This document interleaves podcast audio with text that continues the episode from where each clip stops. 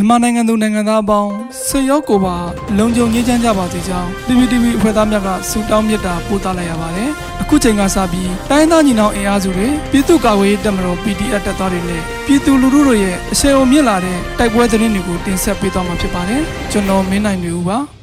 ။ပထမဆုံးအနေနဲ့ရှမ်းကရနယ်စပ်မကွေတိုင်းရှမ်းပြည်နယ်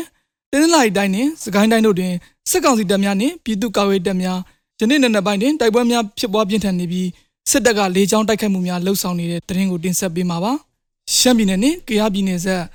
မိုးမြတ်မြို့နယ်မကွေတိုင်းစောမြို့နယ်စကိုင်းတိုင်းဝက်လက်မြို့နယ်တို့တွင်ယနေ့နေ့နေ့ပိုင်းစစ်ကောင်စီတပ်များနှင့်ပြည်သူ့ကာကွယ်ရေးတပ်များတိုက်ပွဲများဖြစ်ပွားလျက်ရှိပြီးတိုက်ပွဲပြင်းထန်နေကြောင်းဒေသကာကွယ်ရေးတပ်များ၏အတိအပြထုတ်ပြန်ချက်နှင့်ဒေသခံများ၏ပြောဆိုချက်များအရသိရှိရပါသည်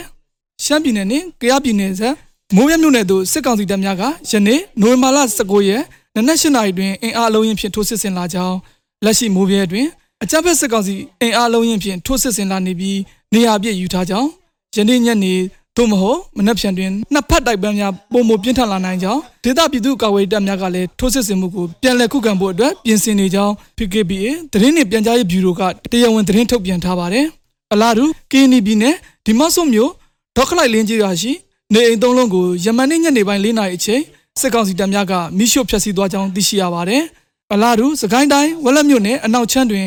ယနေ့နိုဝင်ဘာလ19ရက်နေ့နနက်ပိုင်းစစ်ကြောင်းထိုးလာတဲ့စစ်ကောင်စီတပ်များကိုဒေသပြည်သူကာကွယ်ရေးတပ်များကကြားဖြတ်တိုက်ခိုက်ခဲ့ပြီးတိုက်ပွဲများဖြစ်ပွားလျက်ရှိကြောင်းစစ်ကောင်စီတပ်ကလက်နက်ကြီးများဖြင့်ရန်တမ်းပစ်ခတ်နေမှုများလှုပ်ဆောင်နေကြောင်းပြည်သူများအနေနဲ့မလိုအပ်ဖက်အပြစ်မထွက်ကြရန်ဝက်လက်မြို့နယ်ရှိပြည်သူကာကွယ်ရေးတပ်များကတတိပေးထုတ်ပြန်ထားပါတယ်။အလားတူမကွေးတိုင်းရော့ဒေသတွင်ပြည်သူ့ကာကွယ်ရေးတပ် PDF စောနှင့်စစ်ကောင်စီတပ်များအကြားယနေ့နေ့နှစ်ပိုင်းတိုက်ပွဲများပြင်းထန်စွာဖြစ်ပွားလျက်ရှိကြောင်းစောမြို့နယ်ကြိမ်ချောင်းရွာနှင့်တောမရွာပတ်ဝန်းကျင်တွင် YDF PDF စော CDF မင်းတပ် CDF ကံပလက်တို့ပူးပေါင်းပြီးအကြမ်းဖက်စစ်ကောင်စီတပ်များကိုတိုက်ခတ်လျက်ရှိကြောင်း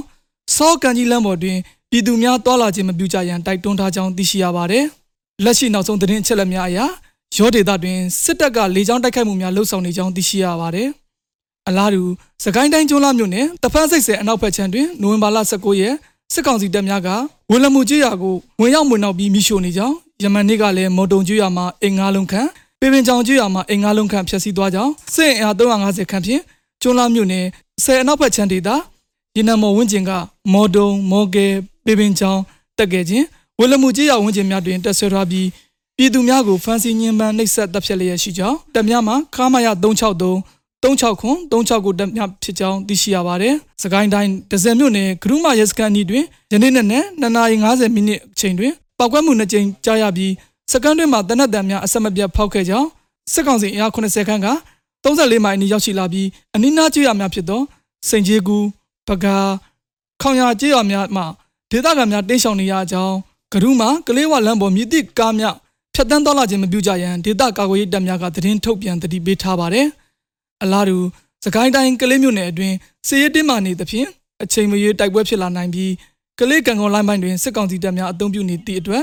ယနေ့မှစတွင်တပတ်တိတိပြည်သူများအုံပြုခြင်းမပြုရန်ကလေး PDF ကယနေ့ရက်စွဲဖြင့်ထုတ်ပြန်တတိပေးထားပါတယ်။အလားတူတင်းလိုက်တိုင်းဒဝဲခရိုင်ရေပြူမြို့နယ်ကံပေါက်ဒေသကဖားချောင်းကျေးရွာတွင်နိုဝင်ဘာလ18ရက်ညကစစ်ကောင်စီသတင်းပေးတလန်ဟုနာမည်ကြီးသူဦးကျော်ဦးကို အမည်မသိအဖွဲ့တစ်ဖွဲ့ကလာရောက်ပစ်တက်ခဲ့ပြီးရင်းပြတ်မှုကိုလာရောက်စစ်ဆေးသည့်စစ်ကောင်စီတပ်များလမ်းတွင်မိုင်းဆွဲတိုက်ခတ်ခံရပြီးနှစ်ဖက်အပြန်အလှန်ပစ်ခတ်မှုများဖြစ်ပေါ်လျက်ရှိကြောင်းသိရပါတယ်။ရှမ်းပြည်နယ်မြောက်ပိုင်းမုံကိုမြို့ဖော်ချုံကျွော်အထက်တွင်ကိုကန်တက် MNDAA နှင့်စစ်ကောင်စီတို့ယနေ့နေ့နဲ့17နာရီခန့်တွင်စတင်တိုက်ပွဲဖြစ်ကတိုက်ပွဲပြင်းထန်နေကြောင်းသိရှိရပါတယ်။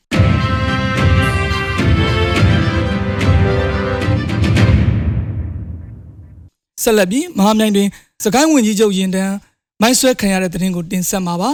မဟာမြိုင်ဘက်ကတက်လာတဲ့စကိုင်းဝင်ကြီးချုပ်ဦးမြတ်ကျော်လိုက်ပါလာတဲ့ကားဆက်သုံးစီးပါစစ်ကောင်စီရင်တန်းကိုကလေးဝပြည်သူ့ကာကွယ်ရေးတပ်ဖွဲ့ကဒီနေ့မနက်မှာမိုင်းဆွဲတိုက်ခတ်ခဲ့တယ်လို့ကလေးဝ PDF က Channel Review ကိုပြောပါတယ်ဒေသခံတွေရဲ့အဆိုအရတော့ကားတချို့ထိခိုက်မှုတွေရှိခဲ့တယ်လို့သိရပါတယ်ဒီတိုက်ခိုက်မှုဟာကလေးဝ PDF ရဲ့ပထမဆုံးစစ်စင်ရေးဖြစ်တယ်လို့လည်းသိရပါတယ်လက်ရှိအချိန်မှာရင်နှန်းကဆက်လက်ထွက်ခွာသွားပြီလို့လည်းသိရပါတယ်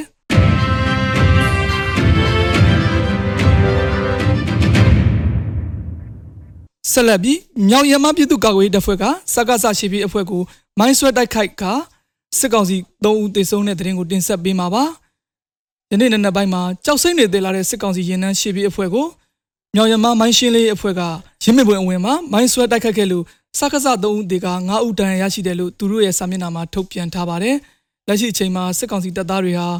ရွာသားရထဲမှာမဲမဲမြင်ရလိုက်ပြင်နေပြီးပြည်သူတအုပ်လည်းထိမှန်ထားပါတယ်။ စစ်ကောင်စီတပ်ဖွဲ့ဝင်တွေဟာချင်းတွင်းမြစ်အထက်ပိုင်းကကြောက်စိမ့်တွေကိုမြေလန်းနဲ့ရောရေလန်းတွေကပါအဆောင်အရှောက်အပြည့်နဲ့တည်ယူနေပါတယ်။